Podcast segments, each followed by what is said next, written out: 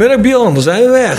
Voice of Calais, episode 11.5. 11.5. En zoals je weet, 11.5 staat voor Actualiteiten. precies actualiteiten. Er zijn weer wat dingen gebeurd rondom de club, Rob, die, eh, ja, die nadere toelichting behoeven, denk ik.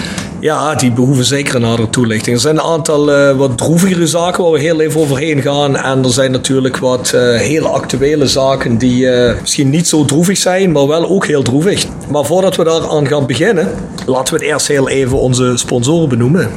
We zitten op een nieuwe locatie, Rob. We hebben het altijd heel goed gehad bij Ingo eh, in de Veilerhof. Daar blijven we ook komen in de toekomst. Ja, ja, ja. Vanwege organisatorische redenen zijn we vandaag moeten verkassen. En we zitten op een net zo'n geweldige locatie. Ja. Zeg maar. En ook in het Heuvelland, geweldig uitzicht ook, ook geweldige locatie zoals je al zegt. En dat is de Bernardeshoeven in Mingersborg. Mingersborg, Ubaksberg. Ja.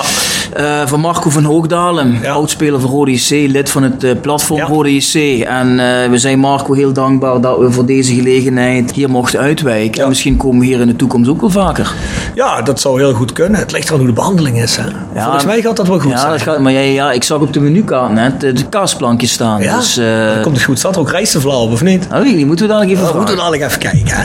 Nou, dat komt goed, vermoed ik. Bernardeshoeven. Dan hebben wij nog Next Door Kapsalon Nagel en Beauty Salon. Ja, aan de locht 44A8 in Kerkrade. Natuurlijk hebben we ook hotel-restaurant Veilerhof. GSR Music voor het hardere muzieksegment www.gsrmusic.com voor artikelen en streams.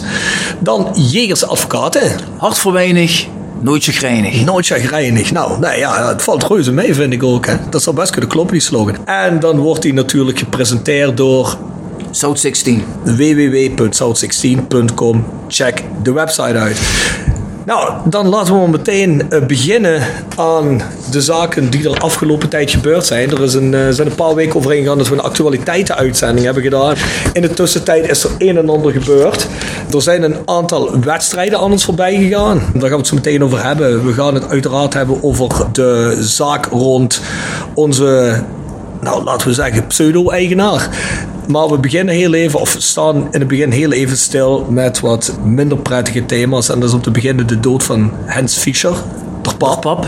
Ja, ja, ja. ja, op het moment dat we deze aflevering opnemen, is ook eh, de crematie gaande op Schieferheide. Ja. Dus eh, toch een man die eh, ja, lang bij de club heeft gezeten en, en veel voor de club heeft betekend. Ja, zeker. Het was een nestor van eigenlijk het eh Roda JC dat gepromoveerd is naar de Eredivisie. Hè? In 73 was eigenlijk al de nadagen van zijn carrière en daarom ook zijn bijnaam. Hè? Nestor van het team door pap. Zoals alle jonge boys hem dan noemden. Hij heeft van eh 56 tot 74 gespeeld bij Roda. Dus dat ene seizoen in de Eredivisie, dat eerste seizoen, was eigenlijk ook zijn laatste seizoen. Ik heb laatst een anekdote gelezen over dat hij zei, eh, ik geloof zijn laatste wedstrijd was tegen Ajax. En hij maakte zich heel druk dat dat maar goed zou gaan. Dat hij met een goede indruk afscheid zou nemen. Alsof iemand met zo'n staat van dienst zich daar zorgen over had moeten maken. Maar hij was heel opgelucht toen ze inderdaad eh, zonder fouten en geloof met een gelijkspel van het veld gingen. Waardoor ze ook trouwens in de Eredivisie bleven. Want het gelijkspel hadden ze wel nodig toen.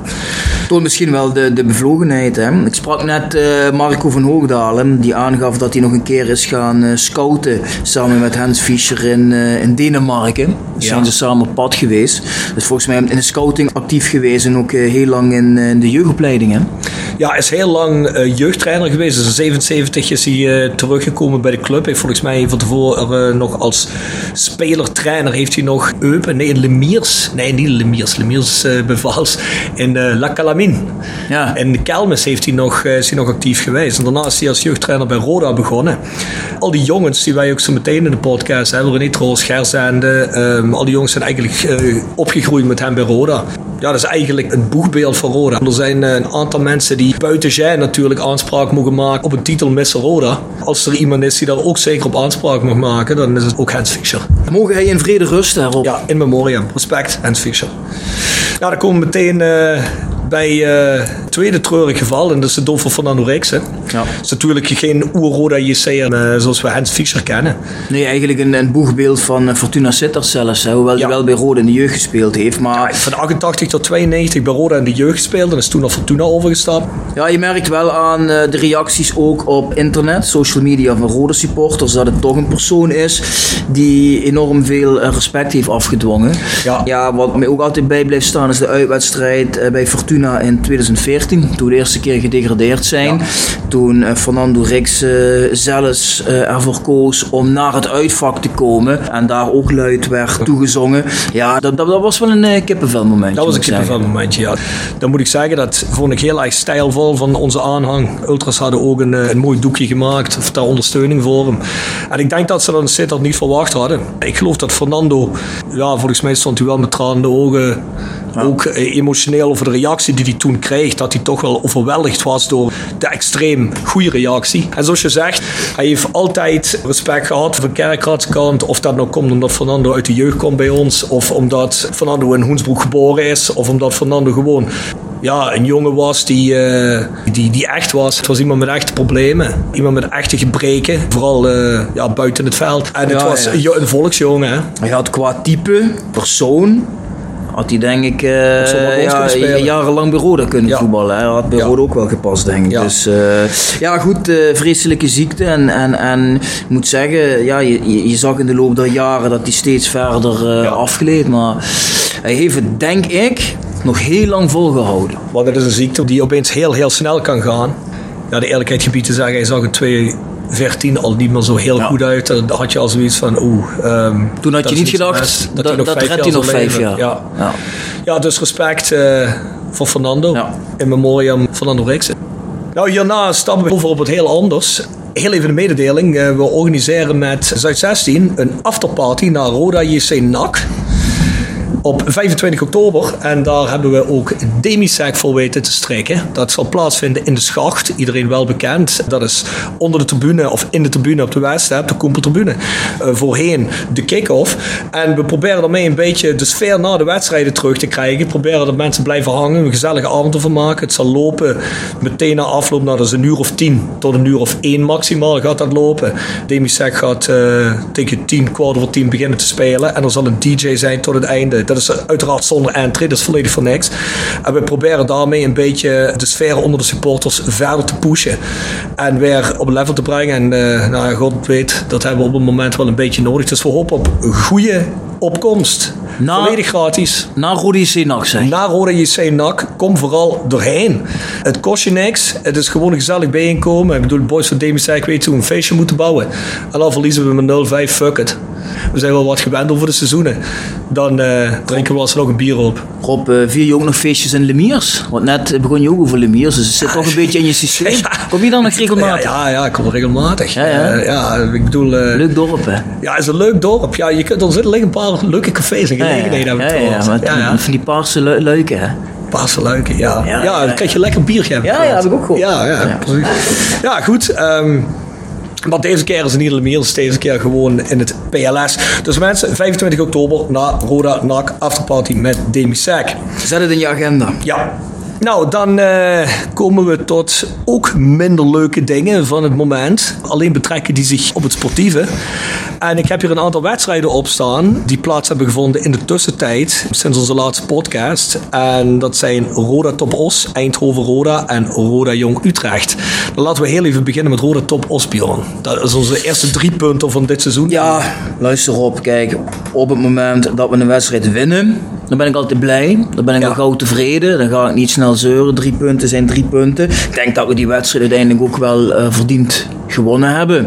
Hoewel Top Os volgens mij ook niet de meest sterke tegenstander was die je tegenkomt. Nee. Maar uiteindelijk denk ik, niet slecht gespeeld. Vooral in de eerste helft niet. Nee, maar het ging ook niet zonder slag of stoot. Hè. Het, was, het was ook een beetje hangen wurgen naar het einde toe weer. Ja. Maar goed, inderdaad niet de slechtste wedstrijd van Roda. Dan uh, Eindhoven-Roda. Daar ben ik zelf niet geweest. Ik heb, ben ik wel geweest. Ik heb het met wat flitsen moeten doen. Ja. Het enige wat ik ervan gehoord heb, maar jij kunt er dan meer over vertellen, is dat we de eerste helft heel slecht waren. En in de tweede helft heel dominant. Ja, de eerste helft was eigenlijk niet echt op niveau. Het was ook een uh, verschil van, uh, van dag en nacht. De, het is wat je zegt, de eerste helft was niet altijd de beste. De tweede helft was het ook echt van het begin af aan redelijk do dominant. Je had volgens mij daar best wel met winst kunnen weggaan. Al kreeg je Eindhoven op de allerlaatste nog een kansje. En als je ook ziet hoe die eerste goal na twee of drie minuten al valt. Hè, en hoe die jongen eigenlijk weer door de verdediging heen kan lopen. En dan moet ik ook eerlijk eerlijk zeggen, um, ook al door het middenveld heen. Ja. Hè, dat er eigenlijk niet Ja, ik bedoel, je, je, hoeft, je hoeft niemand ondersteboven te rennen. Maar dat, er wordt eigenlijk ja, heel passief wordt die jongen doorgelaten en krijg je gewoon een uh, vrije kans om gewoon in te schieten. Nou was dat ook niet het meest moeilijke schot, maar ik wil niet zeggen dat Tom Muiters daar debat is aan is geweest. Die houdt er trouwens ook nog een hele goede uit op het, eh, op het einde. Daarmee streept hij dat misschien wel weg. Maar ik denk een dominant Roda had best hier nog een extra goal kunnen maken. En Oebo scoort weer. Ja. is toch een jongen die een mooie goal. Uh, toch nu de goaltjes uh, al een paar keer mee heeft gepikt. Goede actie van uh, Jordi Kroeks. Ja, ook. kijk, in ieder geval denk je dan wel, oké, nou goed, Rode top Oost drie punten. Eindhoven-Roda, niet de makkelijkste uitwedstrijd. Eindhoven stond toch vrij hoog. Ja. Pak je dan een dik verdiend punt. En op basis van de tweede helft stijgen de lijn. Dus je denkt, oké, dan ga je tegen Jong Utrecht spelen. Dan denk je, dat gaat gebeuren. Thuis tegen ja. Jong, Jong Utrecht, dat moet gewoon drie punten zijn. Ja, en dan denk je, dan heb je 7 uit 3. Niet dus. Nee. Ja. Ik ben er zelf niet geweest. Ik was weg met de band. Ja, ik ben er wel geweest. Kijk, en, en, tegen Eindhoven kom je snel op, op achterstand. En tegen Jong Utrecht ligt hij er volgens mij nog sneller in. Mhm. Daar werd ook een aantal keren zwak ingegrepen. Nou goed, eerst draait de spits vrij makkelijk weg bij Daryl Werker. Die kan dan een steekpaas geven waar Van Eyma, denk ik, de spits uh, niet goed afdekt. En ja, Tom Muiters komt ook niet overtuigend uit. En dan zit je binnen, ja, binnen, binnen de twee minuten, sta je al 0-1 achter en dan loop je achter de feiten Ja, en ik denk toch dat je dat nu een beetje, dat we het een, die laatste actualiteiten podcast, of misschien ook wel een podcast met um, Robert Klaas over hebben gehad dat je nu langzaam in een fase komt waar je misschien mentaal er tegenaan begint te hikken, ben ik bang. Um, ik hoor wel altijd Jean-Paul de Jong zeggen, we zijn nog altijd niet helemaal klaar. We zijn nog altijd niet helemaal in, uh, in ons ritme. Of het is ook altijd niet helemaal, ik zie steeds meer ontwikkeling, ik zie er steeds meer erin komen. Ik zie steeds meer patronen en ik zie steeds meer uh, wat op de training uitgewerkt wordt, zie ik steeds meer terugkomen. Maar als je zo snel achterkomt, ja, dan moet je wel twee goals maken om überhaupt die wedstrijd te winnen. Dat, is, dat is wel heel moeilijk en ik weet niet of dat mentaal bij al die ja, kijk, dat verhaal van we zijn in ontwikkeling, daar kan ik in meegaan mhm. eh, voor een behoorlijk stuk. Echter, die wedstrijd tegen Jong Utrecht was volgens mij al de zevende wedstrijd van het seizoen. Ja. En je speelt dan gewoon tegen de reserves van FC Utrecht. En, en, en er zijn gewoon geen excuses mogelijk. Die wedstrijd, die, die, die wedstrijden, die moet je gewoon winnen. Dat moet drie punten zijn.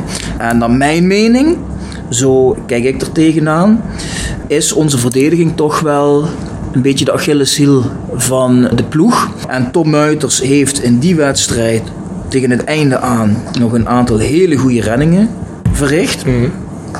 Maar ik denk toch dat de driehoek doelman en je twee centrale verdedigers, dat moet een driehoek zijn waar je op kunt bouwen. Dat moet het fundament voor je elftal zijn, dat, ja. moet niks doorkomen. Mhm. Maar dat is bij onze ploeg, denk ik wel, ja, de zwakke plek. En dat vond ik in de twee wedstrijden daarvoor niet. Maar dat waren net die twee wedstrijden dat Richard Jensen meedeed. En ik denk dat die de stabiliteit, het niveau daar wel omhoog kreeg. Je bedoelt ook Eindhoven-Roda dan? Eindhoven-Roda, Roda Top-Os. Toen waren de twee wedstrijden Richard Jensen mee. Ja, goed, maar ik bedoel, Eindhoven-Roda valt die goal ook al. Ik bedoel, de jongen komt van rechts, maar die schiet dan ook vrij centraal vanaf uh, de 16 schieten die bal in. Hè? Dus dat is... Ja, oké, maar dan krijg je 90 minuten één tegengoal in een uitwedstrijd. Kijk, dat valt te behapstukken. Maar nu krijg je er thuis drie om je oren. Nee, dat begrijp ik wel. Dat begrijp ik. Dat is ook zo. Dat is ook zo. Het is natuurlijk feit dat die uh, driehoek die jij benoemt, dat dat heel zwak is. En ik vraag me af hoe dat eigenlijk kan, omdat Daryl Werker toch eigenlijk ja, toch wel sterkhouder is geweest de afgelopen seizoenen daar in de midden. Mensen waren altijd blij als Daryl terugkwam van een, eh, van een blessure. Ik wil zeggen dat uh, Daryl de meest uitmuntende speler van Roda is geweest in seizoenen van tevoren, maar wel iemand die altijd vrij degelijk verdedigd heeft. En dat blijkt dat, ja, op de een of andere manier zit daar, je zei al, twee hele vroege goals. Tegen Eindhoven uit en tegen Jong Utrecht uit ja, dat, ligt dat dan aan concentratie? Ik bedoel, het kan, toch, het kan toch niet zo zijn dat je binnen de drie, vier minuten twee keer een goal erin hebt leggen. Je moet toch geconcentreerd die wedstrijd ingaan. Ik denk, ik denk dat dat inderdaad wel met, met, met een stukje scherpte te maken heeft. Hoe begin ik aan een wedstrijd? Maar ik vond Daryl Werker juist tegen Top Os en wat ik dan begreep bij Eindhoven. Maar in ieder geval, ik heb zelf Top Os gezien. Toen vond ik hem weer een beetje de Daryl Werker van ik dacht van... Hey, Zo, zo, zo, ken ik hem. Maar ik, ik schrijf dat dus toe aan uh, het al dat niet meedoen van uh, Richard Jensen. Want ik denk dat Daryl Werker rustiger speelt, zich prettiger voelt naast Richard Jensen mm dan naast de andere centrale jongens waar hij dit seizoen mee gespeeld heeft. Van Eijma, Verburg, noem maar op. Er gaan stemmen op, als je het hebt over het tactisch, haal gewoon Klaas een linie naar achter. Om gewoon meer stabiliteit in die verdediging te brengen. Wat zeg je daarvan? Ja, kan. Van de andere kant denk ik dat een trainer dat misschien niet graag doet. Want dan ga je A, de verdediging omgooien. Maar je gaat ook al het middenveld omgooien. Want dan moet iemand anders weer op het middenveld eh, zijn plaats innemen. Dus ik denk dat dat een reden is voor eh, de trainer om, uh, om, om daar niet aan te willen. Maar goed, we zullen het zien. We spelen nu thuis tegen de Graafschap. En dan is Van Eijma dus geschorst en Jensen nog steeds geblesseerd. Dus of hij zet misschien Mitchell Keulen daar. Of hij gaat inderdaad Klaassen-linie terughalen. De blessure van Jensen schijnt toch niet zo heel gek te zijn. Hè? Schijnt toch dat ik heb er nog niks over gehoord deze week. Ja, ik heb een gerucht gehoord dat de blessure niet zo ernstig is als mensen denken. Dus dat hij, ik wil niet zeggen op korte termijn in twee weken, maar dat, dat ze wel denken dat hij sneller terugkomt dan gedacht nu. Maar goed, ja, we mogen wel concluderen dat uit die laatste drie wedstrijden vier punten, maar dat zijn toch minimaal twee punten te weinig, zou ik zeggen.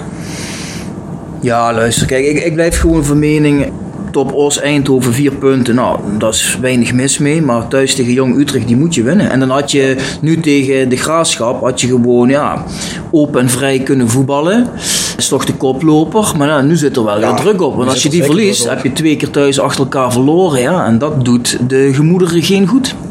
Nee, dat doet de gemoederen zeker niet goed. Dan komen we bij het volgende punt ja, op het lijstje. We begonnen met een heel positieve sfeer dit jaar. Tenminste, vond ik toch. Ik heb ook volgens mij nog benoemd in die podcast met Robert Klaassen dat ik het, uh, ja, dat ik het eigenlijk vrij verbazend vond dat de sfeer nog niet kenterde.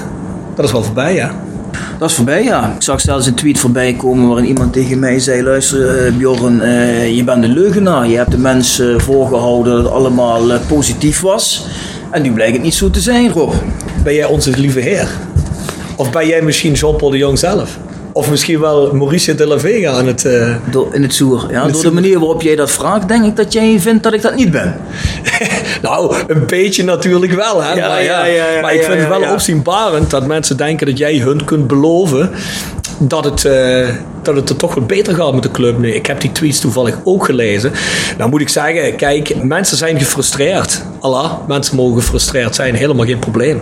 Mensen moeten dat niet op uh, mensen zoals jou of ook andere mensen gaan afreageren die wel positief zijn. Want ik vind, zeker in deze tijd waar het slecht gaat met de club, hebben we net mensen nodig die positief zijn. Kijk, weet je, weet je wat het is, Rob? je moet het in de tijd plaatsen. Oké, goed, we kregen Mauricio Garcia de la Vega. Nou, uh, rond die eerste wedstrijd Thuis tegen Almere lieten we heel goed spel zien. Pak je een punt, hadden er eigenlijk drie moeten zijn. Nou, je hebt toch een paar leuke voetballers erbij. Ja. Uh, Kroeks, Alberg, uh, Rush, noem ze maar allemaal op. Klaassen. Nou goed.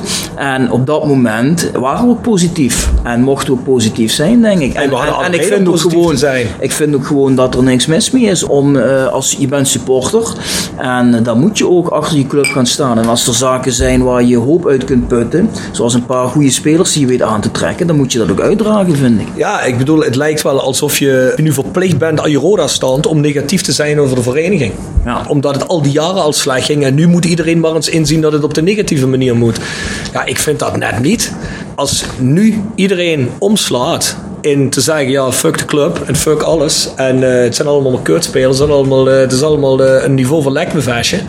Waarom gaan we dan nog naar het stadion? Waarom, zijn we er nog, waarom noemen we ons dan een grote supporter? Kijk, dat het niet goed gaat, dat is duidelijk voor iedereen. En dat, het, dat het al jaren niet goed gaat, is ook duidelijk. Maar goed, weet je wat het is, Rob? Kijk, in het voetballerij kan het zomaar omslaan. Zeker. En als je uh, toevallig vrijdag zou winnen van de Graafschap, je wint de week daarna, dan heb je toch wel een geweldig weekend. En dan ziet de wereld er zo anders uit. En ik blijf, en ik blijf ook gewoon van mening, hè, en, en we gaan het dadelijk hebben over de problemen buiten het veld. Maar ik denk dat we genoeg kwaliteit in de selectie hebben dat we dadelijk in dit uh, seizoen ook gewoon in een periode wel wedstrijden gaan winnen. Ja, dat zeker. Op het niveau waarop wij spelen is er potentieel kwalitatief goed gehuurd en ingekocht. Dus we mochten er best positief voor zijn. Dat mogen we best nog altijd. Dat het nu niet goed gaat, ja, dat is een feit. Maar ik, ik, ik heb vaker gezegd, en daar sta ik nog steeds achter. Ik denk dat we een betere selectie hebben dan vorig seizoen. Dat denk ik ook, 100%. Al is het maar een verschil dat er een paar jongens met ervaring tussen zitten. En dat doet de groep goed. Dat hoor je ook aan die jongens die dat zelf zeggen. Je hoort jongens heel positief zijn over de trainer. En als je een beetje goed geluisterd hebt en ook tussen de regels doorgeluisterd hebt in die podcast, hoor je ook dat ze veel meer tevreden dan mee zijn dan vorig seizoen.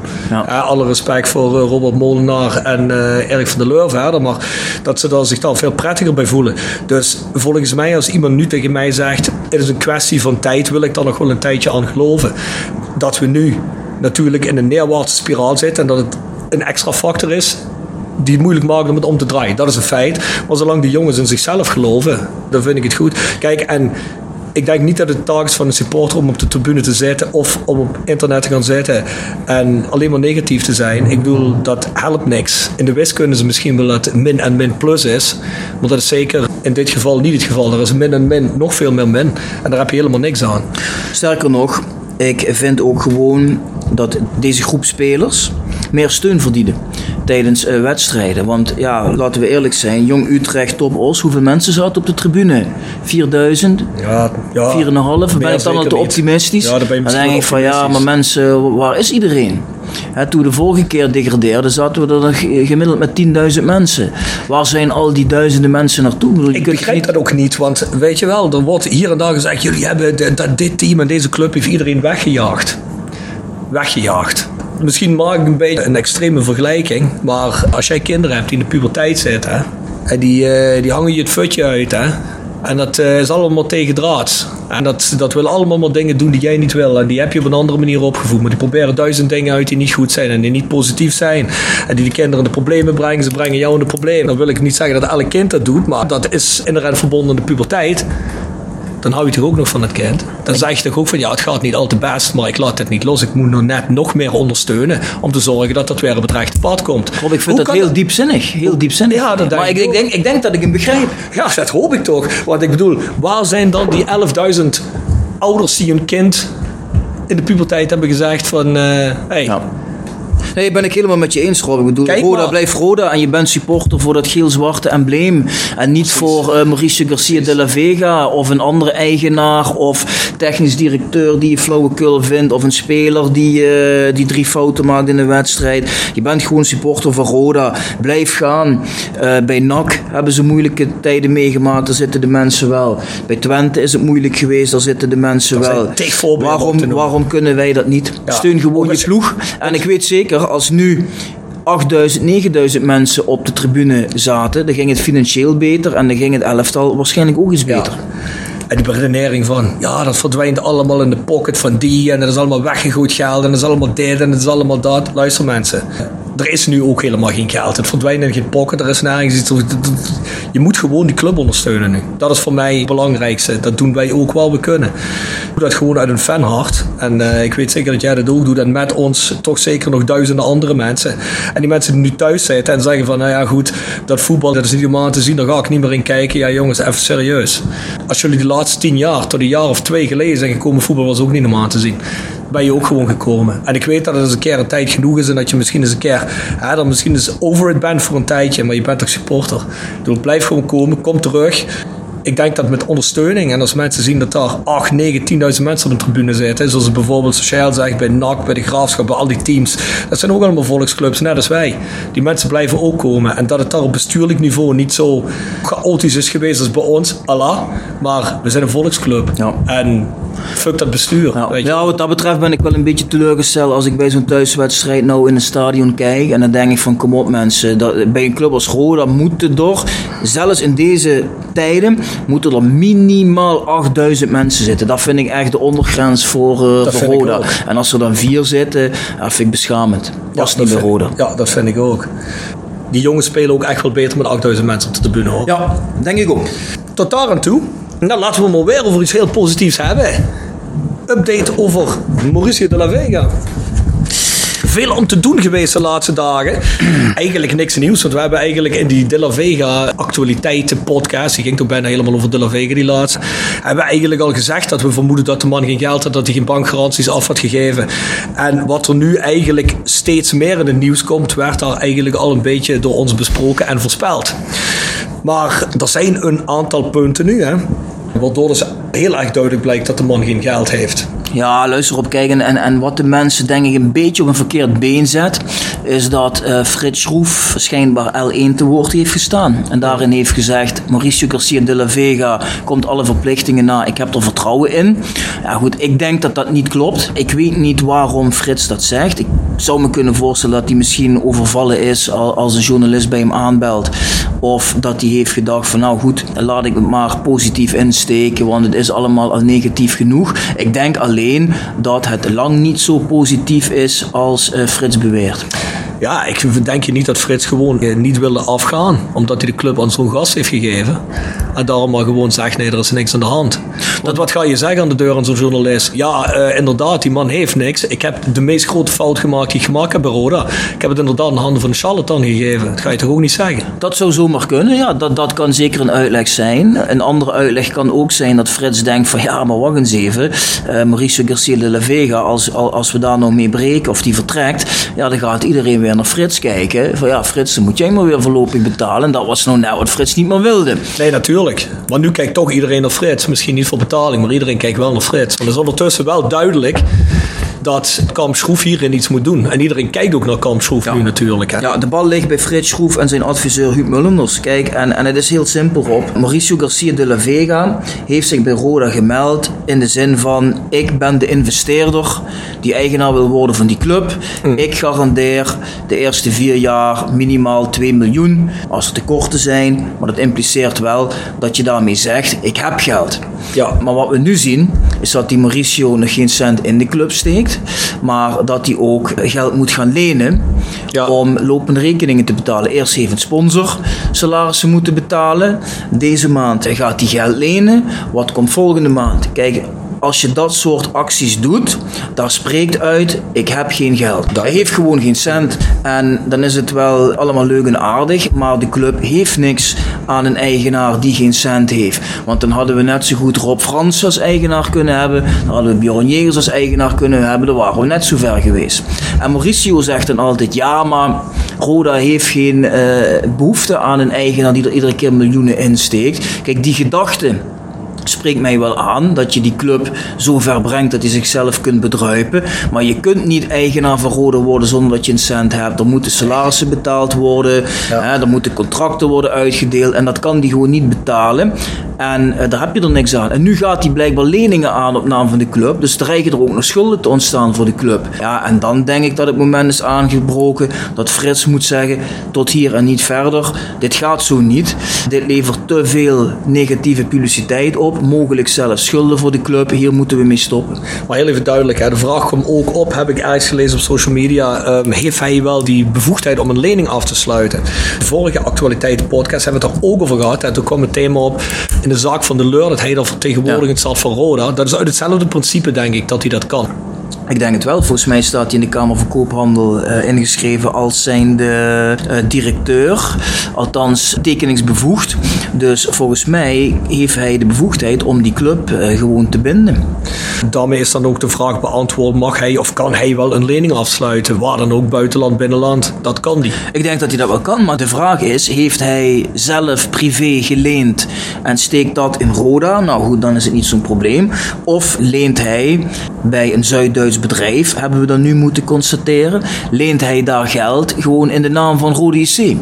Ja. Want als hij dadelijk vertrekt, ja, dan heeft Roda dadelijk een lening aan de fiets hangen. En ja, Dan, dan, dan, ga je zoeken naar een nieuwe koper of investeerder. En dan wordt het alleen maar moeilijker, want die zal zeggen, ja, eh, dan moet ik die club overnemen en dan zit ik aan zo'n uh, vordering vast. Uiteraard. Dus we mogen eigenlijk wel concluderen dat dit eigenlijk door Kamp Schroef vrij slechte ja Kijk, weet je wat het is? Het is voor niemand prettig. Het is voor Frits niet prettig. Die dacht dat hij er vanaf was. Het is voor Huub Mullenders niet prettig. Want die denkt, oh jee, ja, nu heb ik het overgedragen aan de man. En die blijkt toch geen geld te hebben. Het is allemaal niet fraai. Voor niemand niet. Ook voor ons niet. Hè. We moeten allemaal met de billen bloot. Dat, dat we toch weer een verkeerde keuze hebben gemaakt. Maar ik denk dat je dan maar beter zo eerlijk kunt zijn om het uh, te constateren. En dan ermee te breken en op zoek te gaan naar iets nieuws. Dan dat je maar blijft doorgaan in de hoop dat uh, Mauricio Garcia de la Vega links en rechts wat geld weet te ritselen. En dan toch maar weer wat, wat facturen kan betalen. En de salarissen bij elkaar kan chacheren. Maar daar kom je uiteindelijk niet verder mee. Nee, daar kom je zeker niet verder mee. En dat zal ook elke maand weer een nieuwe struggle worden om een bedrijf te vinden dat geld in Roda wil steken of waar je geld kunt lenen om dat te betalen. Nou, hoe lang moet dat gaan duren? De club heeft niks aan een investeerder die niet investeert. Daar heb je gewoon niks aan. Een investeerder zal ook zelf links en rechts eh, de beurs moeten trekken om gaten te dichten, contracten uit te delen, noem maar op. Je kunt dat niet gewoon volhouden als je geen eurocent hebt. Dan ben je gewoon met valse voorwenselen binnengekomen. En daar hebben we gewoon niks aan. Ik vind het nog altijd bizar dat Kamp Mullenders, zoals we de vorige, of Kamp Schroef, met, uh, met Mullenders als adviseur, die eerst zo heel erg kritisch op alles was, dat ze dit hebben beslist dat deze man die club in handen heeft gekregen. Ik vind dat heel bizar. Ik denk dat deze meneer de enige was die tegen Frits gezegd heeft: luister, ik hoef je verder geen geld meer van je. Geef het maar gewoon aan mij. En ik ga die club runnen. En ik ga ervoor zorgen dat die break-even draait. En als er tekorten ontstaan, dan dek ik dat wel af. Nou goed, en toen heeft Frits gedacht: laat die man dat maar doen. Dat, dat idee uh, hoe die man een club wil runnen, dat spreekt mij aan. Mm. En, en daarbij is dan vergeten om te checken of die dan, ja. zodra tekorten ontstaan, wel de middelen heeft om dat uh, bij ja. te lappen. Ja, nee, dat begrijp ik. ik. Ik redeneer dit uit het principe dat Frits heeft gezegd: ik draag die club alleen maar over aan iemand die die club fatsoenlijk kan gaan runnen en waar ik vertrouwen in heb. En ik wil die club goed overdragen. En dan moet ik toch eerlijkheidshalve concluderen dat dat niet gebeurd is daar mag ook, denk ik, Frits Schroef op afgerekend worden. Ik bedoel, ik vind het. De man is een zegen geweest voor de club, maar ook een, een ramp op bepaalde gebieden. We hebben de vorige podcast ook al, of actualiteitspodcast ook al geconcludeerd. Dat onder Frits Schroef al een zeer ongenuanceerd eh, voetbaltechnisch beleid is gevoerd. Waardoor de club ook op voetbaltechnisch gebied eigenlijk alleen maar uh, afgegleden is. Foute mensen vertrouwd werden op financieel vlak. Ja, dat beetje voetbaltechnische kennis of wat er zat, is weg.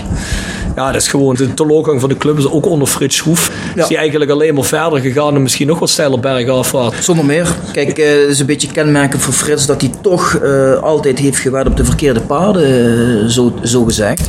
En hij heeft altijd gaten tekort. Dat heeft, uh, gedicht, dat heeft hem heel veel geld gekost.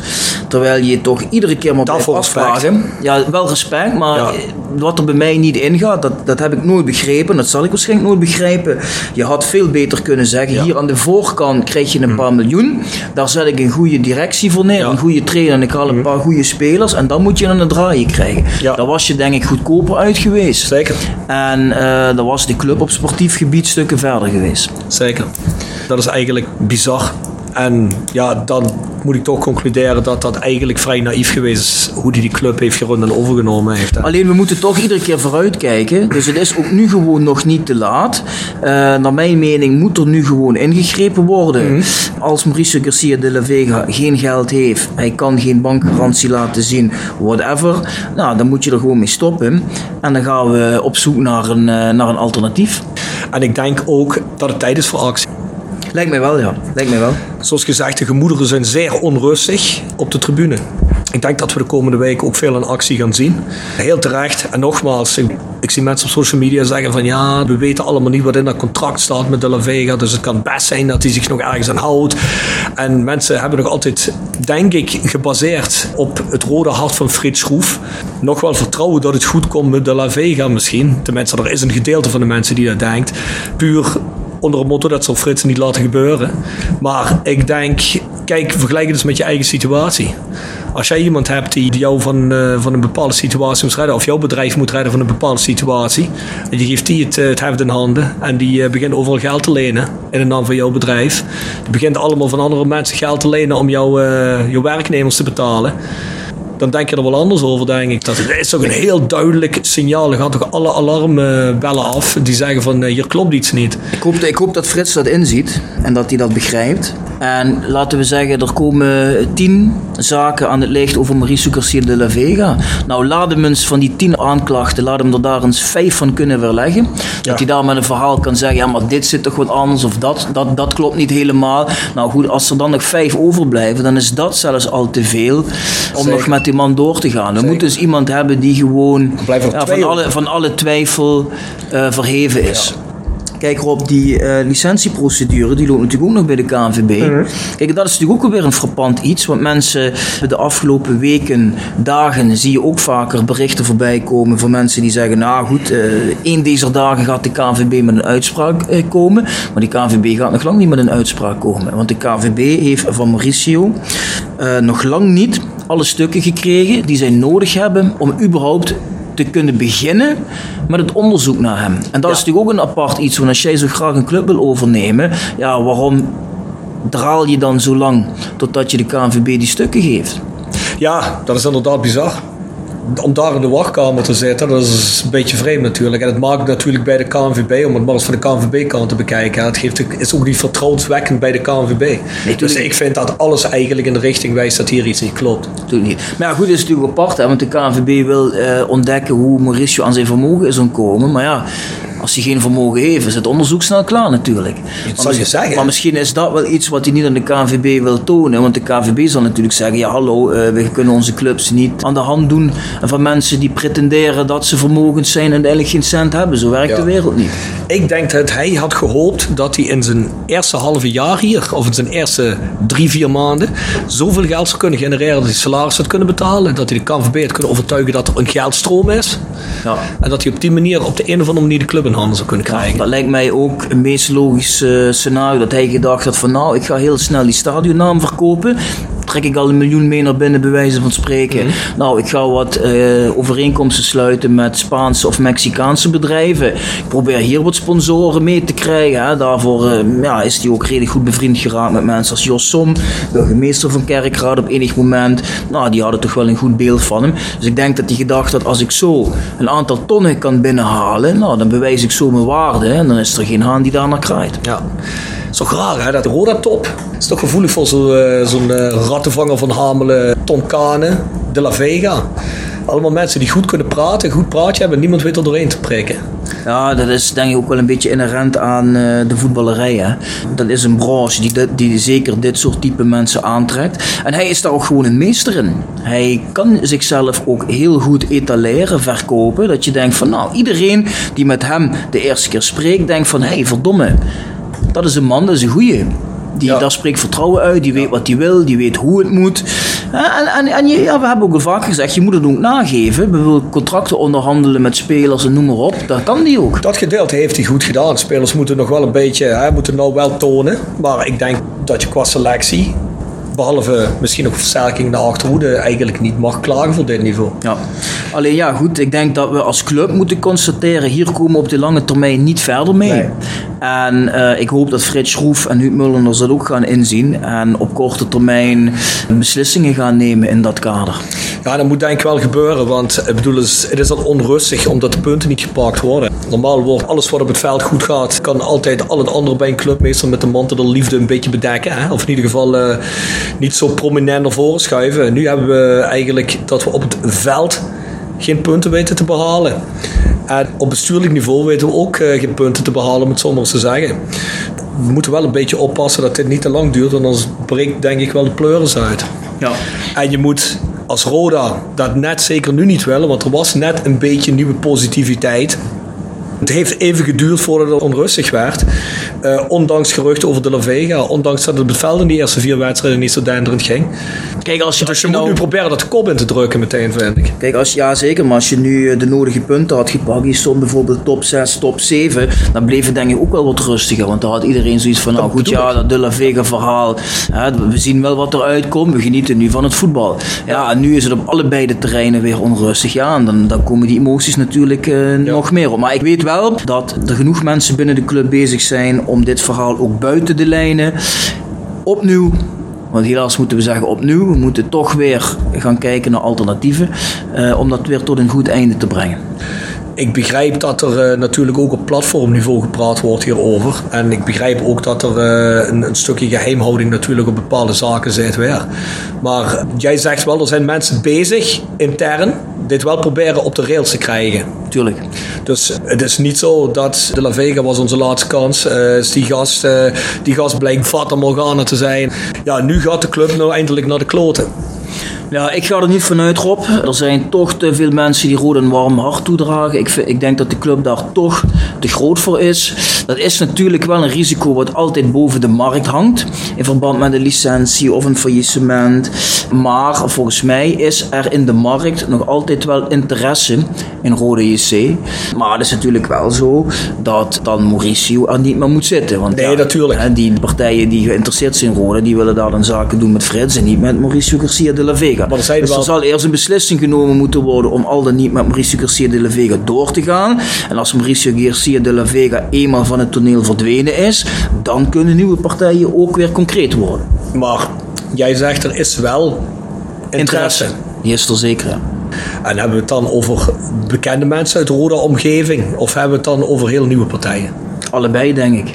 Dus we hoeven niet te wanhopen. Nou ja, je moet je zeker zorgen maken, maar je moet zeker niet wanhopen. Of moet ik me dan zorgen maken in het kader hoe snel krijgen we de La Vega weg en wordt dat een probleem?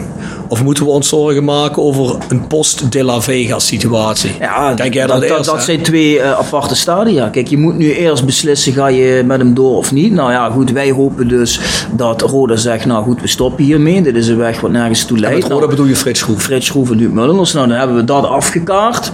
En dan kunnen de partijen, en het zijn er meerdere die wel interesse hebben om Roda dan over te nemen, die kunnen dan concreet in beeld komen. En dan gaan die onderhandelingen een fase in om te kijken of je overeenstemming bereikt. En dat kan natuurlijk afketsen. Maar goed, eh, als er meerdere opties zijn, dan denk ik, dan, dan, dan moeten we ervan uitgaan dat er altijd wel een optie bij zit waar je groen licht krijgt. Partij Schroef weet van alternatieven, neem ik aan. Daar ga ik wel vanuit, ja. Goed. Goed om te horen dat er wel weer kapels op de keus zijn. Het zou niet goed zijn als er niemand meer geïnteresseerd is. Nee. Maar dat is wat we al vaak hebben gezegd. Ik denk dat Roda een te grote club is om naar de kloten te gaan of we een tijdje op een bepaald niveau moeten bivakeren. Hopelijk ook niet, maar als dat erbij hoort, dan is het maar zo. Kijk, we moeten natuurlijk niet achterover gaan liggen van oh, Rode is zo'n grote club, die kan nooit kapot gaan. Nee, dat moet je natuurlijk niet denken. Er wordt echt wel met man en macht gewerkt om deze situatie weer in de goede richting te krijgen. Maar die mogelijkheden daartoe, die zijn er wel. Daar, daar ben ik van overtuigd. Kijk, je kunt niet de verkeerde keuze op verkeerde keuze op verkeerde keuze blijven maken. Dus er moet nu wel aan de voorkant ook eens goed gecheckt worden met wie hebben we van doen en weten we nou zeker dat dit wel een goede optie is. Mm Duidelijk. Is een van die partijen misschien nog altijd uh, onze vriend Alexei Korotayev? Ja, dat hoop ik wel. Kijk, dat klinkt natuurlijk heel gek dat we het nu weer hebben over ja, je moet nou wel de goede hebben en, en niet iemand met problemen. Kijk, en, en uh, ja, dan gaan mensen groepen, ja nee, jij met je Korotayev, die man uh, zit vast. Ja, jij met je Korotayev, en, en, en, Maar goed, ik ben vrij close met Korotayev. En blijft voor mij gewoon een gedroomde eigenaar. Zo'n man die jong is, heel erg van voetbal houdt, goede ideeën heeft van hoe moet je een club opbouwen. Bovendien al miljoenen in rode gestoken heeft. Al miljoenen in rode gestoken heeft waarvan je dus kunt zien, hey, die is serieus en die heeft geld. Ja goed, dat is gewoon een man waarvan ik denk, als die eigenaar is, dat zou gewoon mega vet zijn. Dus ik kan nu nog niet zeggen welke kant het opgaat met zijn zaak. Maar dat lijkt de goede kant op te gaan. Ik is zijn zaak in behandeling ondertussen? Zijn, zijn, zijn datum er al voor die cassatie? Nou, daar kan ik nu nog even niks concreet over zeggen, Rob. Ja. Ik kan je alleen maar zeggen dat ik hoop dat we op hele korte termijn daar iets over kunnen gaan melden. Wat dat exact gaat worden, ja, daar moet ik nog even een slag om de arm houden. Maar ik hoop wel dat we in ieder geval op het vlak uh, Alexei Korotayev binnenkort met nieuws kunnen komen. En ja, goed, de hoop is nog altijd dat Alexei Korotayev binnen afzienbare tijd in kerkraden te zien is. Nou goed, en dan moeten we maar even kijken hoe het dan verder gaat. Maar dat is wel een moment waar ik en velen met mij wel naar uitkijken. Ja, ik vind dat je daar wel een beetje positief over bent. Ja? Pas op dat je geen dingen belooft die je niet kunt waarmaken. Nee, daarom. Want dan word ik op Twitter krijg ze weer uh, om de oren geslagen. Dus daarvoor zeg ik ook, ik moet het slagen om de arm houden. Maar goed, ik, ik hoop dat, uh, want kijk, ik heb de vorige keer gezegd, die zaak is aangehouden. Nou goed, dat, die, die, die, die, die, die aanhoudingstermijn die zal uh, zeer weldra moeten gaan verstrijken. Dus er moet binnenkort wel weer wat nieuws komen op het vlak Alexei Korotayev. Wat dat gaat zijn, moeten we nog even geduld voor hebben. Ja, dat wachten we dan maar af. Hebben we verder nog zaken die we moeten bespreken, Bjorn? Dit waren wel een beetje de meest belangrijke zaken. We hebben wel nog een hele leuke mail gekregen van een vaste luisteraar van de podcast Bas Werry van Fandom. Die is vandaag binnengekomen. En die komt met het volgende. Daar moeten de mensen misschien wel eens even over nadenken. De, in mei hebben we die inzamelactie gehad met uh, donaties. Wij zijn Rode JC. En toen heeft Bas met zijn bedrijf Fandom, hij maakt onder andere uh, 100 sjaals gemaakt, speciaal voor die acties. En dat zijn sjaals met hoogtepunten uit de geschiedenis van Roda. Europa Cup tegenstanders, gewonnen bekers, clublied. Hele mooie sjaal kan ik wel zeggen. En die sjaals die mogen verkocht worden voor minimaal 40 euro per stuk. Daar zijn er toen ook een x aantal van verkocht. Maar er zijn nog 80 sjaals over. En uh, mensen kunnen een kijkje gaan nemen op de website van Wij zijn Rode JC. Of kijk op de Facebook pagina. Daar kun je die sjaals vinden. En die sjaals die zijn nog altijd te koop. 80 sjaals, minimaal 40 euro per sjaal. Kom je toch weer op een dikke 3000 euro mogelijk voor Roda. En die opbrengst gaat weer naar Roda toe. Hè? Of tenminste naar uh, het initiatief wat Wij zijn Roda gestart heeft toen. Die opbrengst gaat naar het initiatief. Dus doe dat. Ga daar kijken. Hele mooie sjaals. Het is een gelimiteerde sjaal. Gelimiteerde sjaal is echt een hele mooie. Ik heb er zelf eentje. Kijk, we hebben het toen bij de aflevering 3.5, meen ik hebben we het gehad, of aflevering 3, over wat gaan we met dat geld doen? Rode Museum, ja of nee? Ja. Nou goed, nu met alle perikelen die er zijn rondom De La Vega, die mogelijk niet, geen geld even niet betaald, uh, denk ik dat het ja, de beslissing is om hou dat geld even op de rekening. Ja. Want misschien is dat dadelijk nog wel weer nodig om Rode te behouden. Dus ja, zolang dit probleem weer speelt, wordt het geld even daar gehouden om te kijken, moeten we dat niet dadelijk gebruiken ter behoud van de club zelf. Maar daar gaat dit geld van die shells komt dat daar dadelijk weer bij. En dan hebben we in plaats van 60.000, hebben we dadelijk 63.000 euro. Dus ik denk wel nog een heel mooi initiatief. En ja, goed, wie, wie wil geen mooie sjaal hebben? Dus ga er even kijken. Nou, voor de rest, voordat we nog even onze sponsoren gaan bedanken, wil ik toch nog heel even kwijt. Mensen, we hebben het net gehad over de negativiteit die er op het moment, of in ieder geval veel mensen die zeer negatief aankijken tegen de club. Probeer toch de club te ondersteunen. Ga kijken. Neem alsnog een seizoenskaart. Een club vaart er wel bij als de vibe de stemming rond een club goed is. Dat wij geen vertrouwen hebben in de mensen uh, die de club regeren op het moment. Dat is één ding. Maar dat zijn wij allemaal niet. Dat zijn wij niet op de tribune. Uh, dat is die ploeg niet. Dat is dat team niet wat wij jarenlang ook in een glorietijd gezien hebben. Dat is die badge op je borst de jongens op het veld hè, dragen. Die je draagt als je een t-shirt van Roda aan hebt of wat je ook maar. Of die je misschien in je hart draagt. En daarom zeg ik, kom gewoon kijken, probeer te ondersteunen. 4000 man of 3500 man bij een wedstrijd van Roda is zwaar ondermaats. Zelfs in de eerste divisie. Het maakt niet uit hoe kloten ze spelen. Het maakt niet uit hoe slecht die club geregeerd wordt of bestuurd wordt. Probeer die club te ondersteunen, daar gaat het om. Die jongens gaan beter spelen als die tribune levendiger is, die, als er meer mensen zitten. Uh, die vibe rond die club wordt beter, er komt meer geld binnen, zoals Bjorn zegt. Dus probeer die club te ondersteunen, hoe kloot het ook gaat. We zijn niet voor niks zeggen we altijd, wij zijn Roda. Ik zie heel veel mensen op internet die zeggen van, ja, ik, ik ging altijd 20 jaar, uh, je, iedereen moet zijn grote mond houden tegen mij en dit en dat. En ja, goed, als je 20 jaar bent gegaan, ga dan ook nu. In goede en in slechte tijden, ik ga het wel vergelijken. Misschien zijn er veel mensen getrouwd nou, je laat ook je vrouw niet zakken als het slechter gaat. Als je van haar houdt. Hè? En dan zeg je ook niet van ja, de laatste jaren, ja, weet je, de seks is niet meer zo denderend. Dus weet je wat, ik, eh, ik per meteen. Ja, er zijn vast gasten die dat doen. Nee, maar dan ga je gewoon naar Lemiers en dan ah, ga je dan naar huis. Ik wil net zeggen. En als je het goede voetbal wil zien, nou, dan kijk je toch gewoon op de woensdagavond Champions League. En dan kom je in de weekend lekker naar Roda, weet je wel. helemaal gelijk in Robben. Kijk, probeer het ook zakelijk te zien. Als we nou in zee willen gaan met een, een goede investeerder of een eigenaar. Dat gaat toch ook veel makkelijker als je eh, met iemand gaat onderhandelen die ziet, hey, dit is een club die leeft. Daar gaat het op de tribunes, uh, volle support. Uh, er zitten genoeg mensen in het stadion. Dus ook op die manier help je die club. Ja, wat Rob zegt, die aantallen die er nu zitten, is gewoon veel te, veel te weinig voor het instituut Roda. En die mensen moeten gewoon terugkomen. Zeker.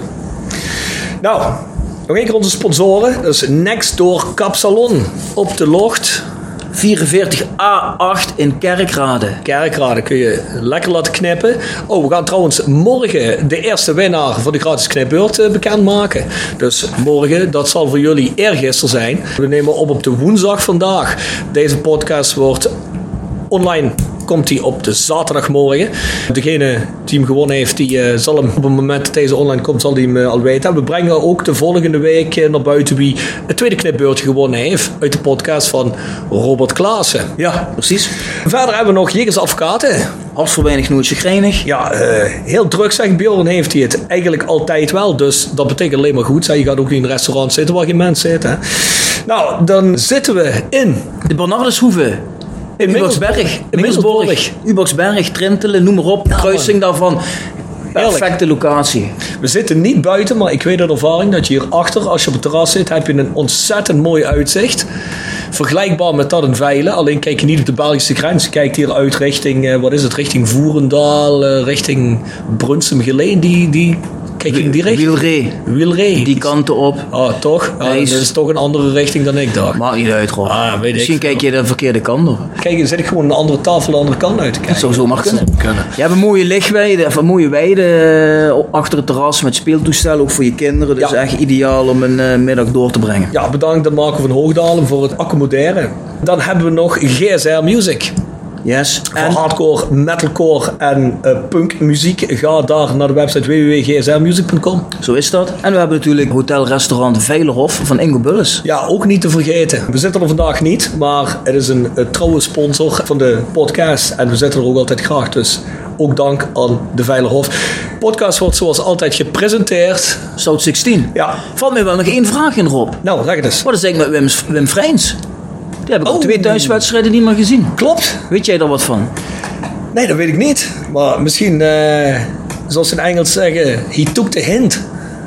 Je bent geen Wim Vreens, Wim fan? Geen Wim Vreens fan, nee. Ik ken Wim verder niet, dus ik kan niks zeggen. Uh, ik vind hem geen klootzak of zo. Maar ik vind Wim te Wim is seizoenlang te geweest. En als Wim zegt bij uh, promotie, volgend jaar kunnen we weer gaan genieten van wedstrijden tegen Feyenoord en Ajax. En op zo'n manier alsof je dankbaar mag zijn als klein kind.